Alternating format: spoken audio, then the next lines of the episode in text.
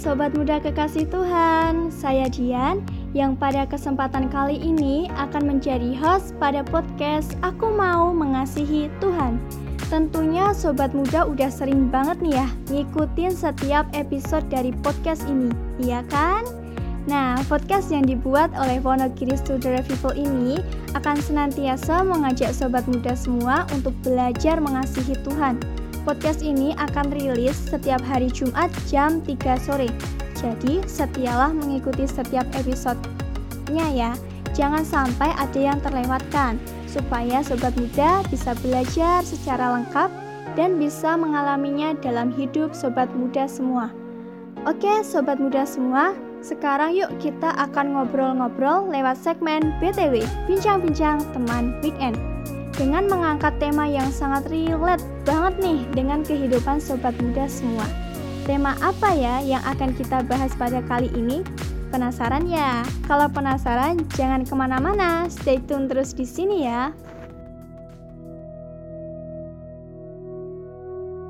Nah, sobat muda semua, ayo, siapa nih yang di sini punya kebiasaan buruk? Nah, karena di BTW kali ini kita akan bersama-sama belajar mengenai topik kebiasaan yang buruk. Saat ini saya sudah bersama dengan tamu spesial kita nih, yaitu Mas Kevas. Yuk kita sapa dulu tamu spesial kita. Halo Mas Kevas, bagaimana kabarnya? Halo Dian, halo sobat muda semuanya. Ya puji Tuhan kabar saya baik. Kalau kabarnya Dian sendiri bagaimana nih? Puji Tuhan Mas Kevas, kabar saya juga sangat baik.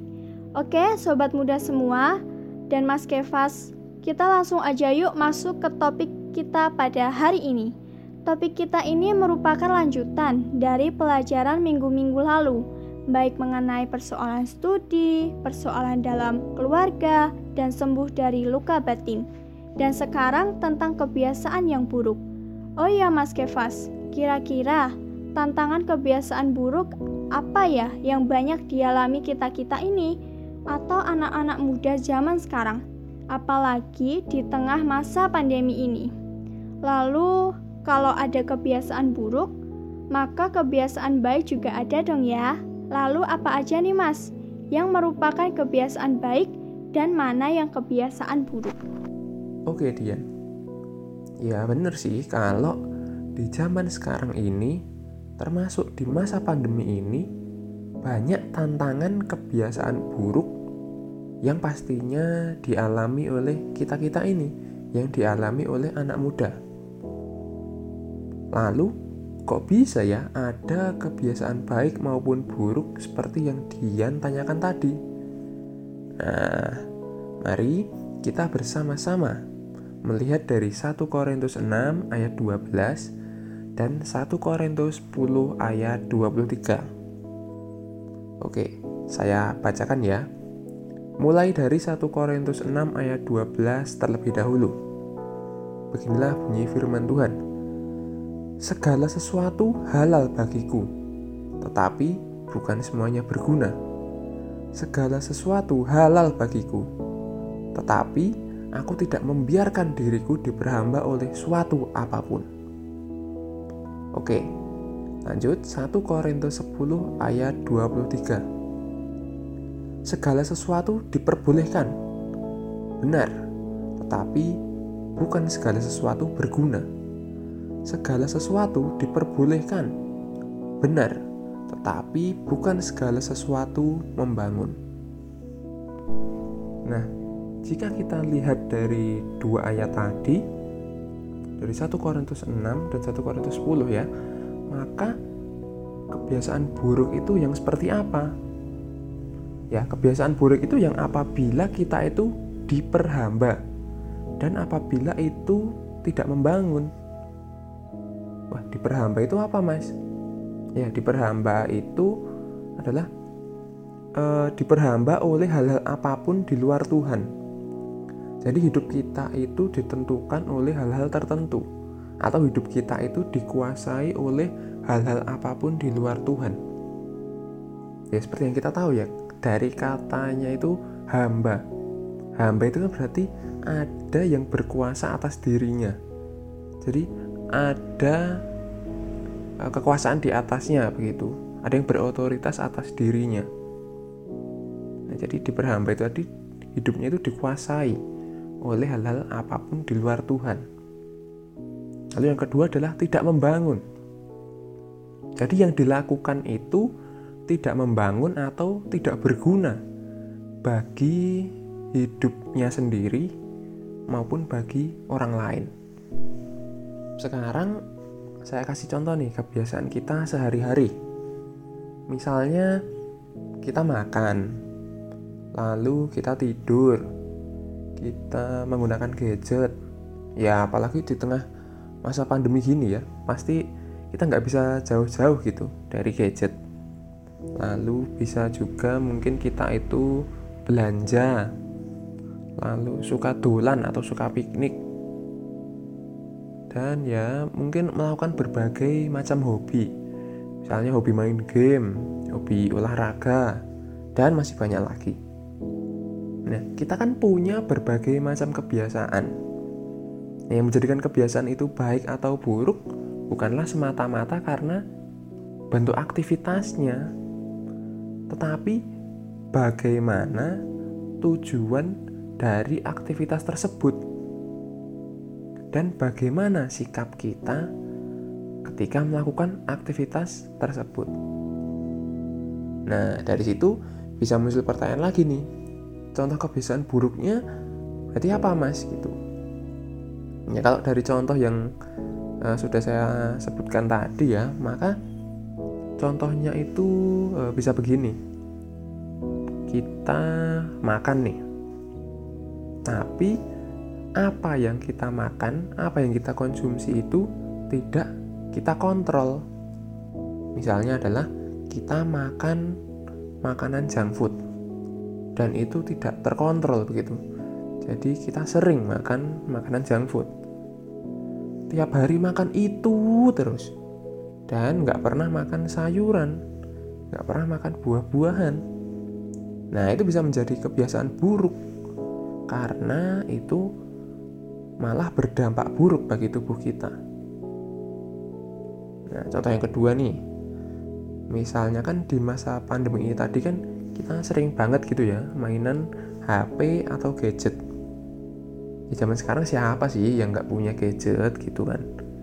Nah, kita main gadget itu bukan untuk mencari hal-hal yang positif tetapi malah untuk contohnya itu melihat pornografi lalu waktunya habis buat main sosmed lalu main game untuk push rank gitu ya apalagi untuk teman-teman cowok nih nah bukankah waktu kita itu akan habis karena kita itu terlalu sering bermain gadget lalu saya kasih contoh lagi nih misal adalah merokok Wah itu merokok itu tentu tidak berguna, malah merusak tubuh kita. Itu jadi rusak malah. Lalu contoh lain atau kebiasaan itu misalkan berkata kotor atau mengumpat. Wah ini misalnya kaget dikit mengumpat, senang mengumpat. Eh teman-teman, sobat muda semuanya pernah nggak sih seperti itu gitu? Jadi pada kondisi apa pun itu bisa-bisanya begitu loh, mengumpat begitu. Nah, lalu apalagi ya nah ya nih ada satu hal lagi ya begitu ya ini kebiasaan para pelajar itu kebiasaan mencontek nah apalagi kalau kita sekarang di masa PJJ ini semuanya itu serba online jadi kan guru itu tidak bisa memantau sepenuhnya apa yang kita lakukan gitu ketika kita mengerjakan ujian maupun mengerjakan ulangan Nah, itu menjadi kesempatan buat kita itu untuk malah mencontek. Entah itu dari internet maupun bekerja sama dengan teman. Dan ya masih banyak juga contoh-contoh yang lain ya, sobat muda semua. Oh, ya ya. Ternyata begitu ya sobat muda semua. Kebiasaan buruk itu adalah kebiasaan yang apabila kita diperhambakan atau kebiasaan yang tidak membangun. Wah, Kemudian bagaimana nih cara kita supaya bisa mengatasi kebiasaan yang buruk itu Mas Kevas? Hmm, oke okay, oke. Okay. Jadi Dian tanya, gimana ya cara kita itu bisa mengatasi kebiasaan buruk? Ya, jadi ya hmm, perlu sobat muda semua sadari dan ketahui bahwa kan suatu kebiasaan itu tidak terjadi begitu saja, tidak tiba-tiba menjadi sebuah kebiasaan gitu, tidak instan. Kebiasaan itu kan tercipta karena kita melakukan suatu aktivitas yang berulang-ulang, di mana itu akan menjadi sebuah pola yang otomatis akan dilakukan pada kondisi-kondisi tertentu. Ya, misalnya gini nih, kita dari kecil, terus dari kecil kita itu eh, diajarkan kalau pakai seragam sekolah atau misalkan kita pakai kemeja gitu ya itu yang dikancingkan itu mulai dari atas baru ke bawah gitu nah, karena dari kecil sudah begitu maka itu menjadi kebiasaan contoh lain misalnya eh, kita di rumah itu sudah terbiasa makan mie instan jadi akan selalu ada stok mie instan di dapur jadi mengubah suatu kebiasaan itu memang sangat sulit. Saya akui itu. Tapi semuanya itu tetap bisa dilakukan. Nah, sebelum hal tersebut menjadi kebiasaan yang buruk, maka biasakanlah diri kita itu melakukan hal yang baik dan yang membangun. Nah, hal utama, hal paling utama yang bisa kita lakukan sekarang ini ialah adalah mengenali atau mendata begitu kebiasaan buruk apa ya yang sekiranya tuh kita miliki dan itu sudah menjadi pola yang berulang atau gitu terus gitu terus? Nah saya punya ayat nih. Dari 2 Korintus 5 ayat 17 inilah bunyi firman Tuhan. Jadi, siapa yang ada di dalam Kristus, ia adalah ciptaan baru. Yang lama sudah berlalu, sesungguhnya yang baru sudah datang.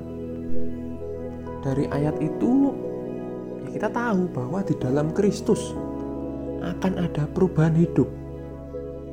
Maka sumber penyelesaiannya ya adalah Kristus itu.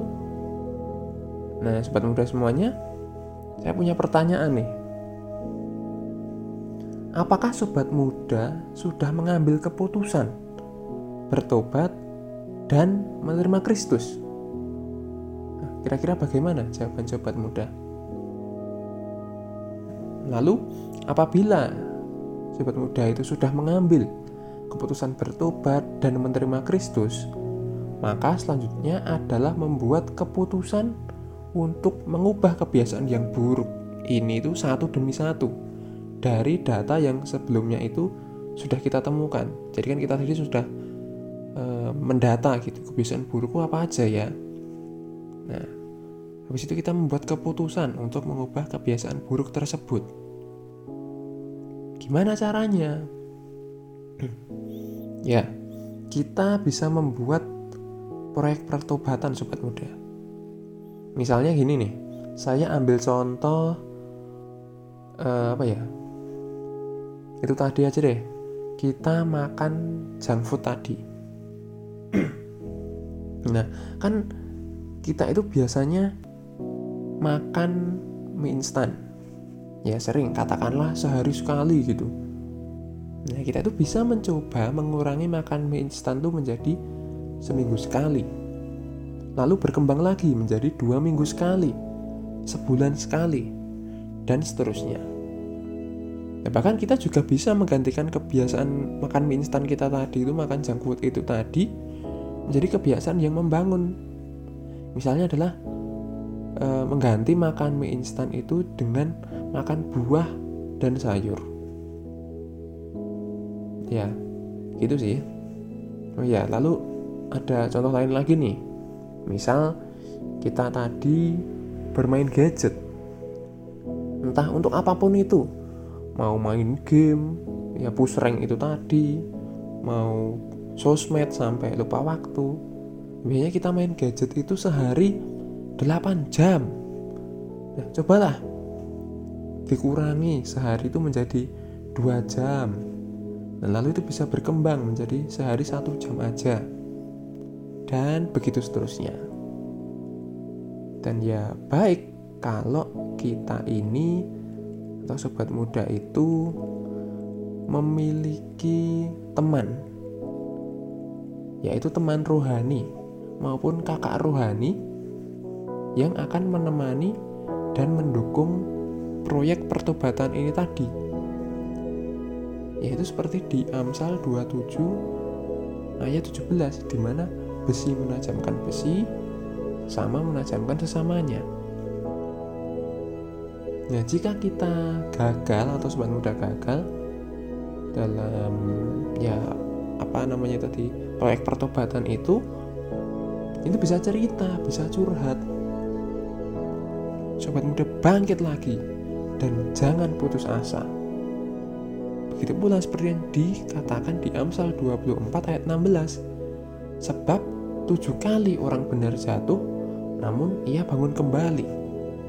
Tetapi orang fasik akan roboh dalam bencana. Ya, saya kira gitu ya Dian dan sobat muda semuanya.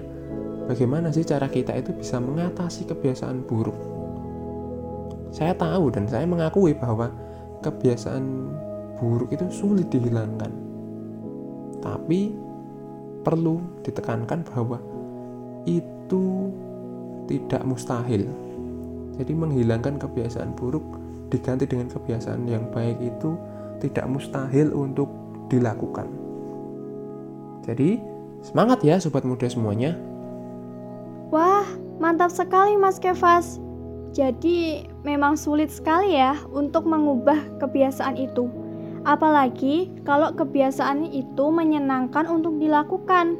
Selain itu, mau bagaimanapun, penyelesaian atau mengatasi kebiasaan buruk itu, ya kita harus menerima Kristus dan bertobat, lalu bisa mendata kebiasaan buruk tersebut dan menyelesaikannya. Terima kasih ya Mas Kevas untuk sharing dan kebersamaannya pada podcast kali ini. Tuhan Yesus memberkati Mas Kevas. Oke, terima kasih kembali Dian. Tuhan memberkati Dian dan sobat muda semuanya. Sampai jumpa di lain waktu. Bye.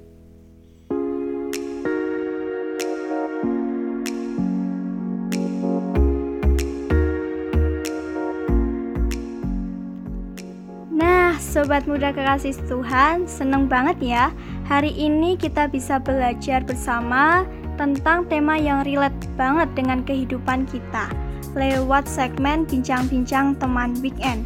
Sobat muda, jangan sampai terlewatkan untuk selalu mendengarkan bincang-bincang teman weekend minggu depan ya. Tentunya tidak kalah seru untuk kita pelajari dan kita alami di kehidupan kita. Kalau ada sobat muda yang ingin berdiskusi, bertanya, memberi masukan, boleh banget nih sobat muda sampaikan lewat Instagram WSR di @w_student_revival. Oke, sekian podcast kali ini. Gabung lagi minggu depan ya sobat muda kekasih Tuhan. Tuhan Yesus memberkati.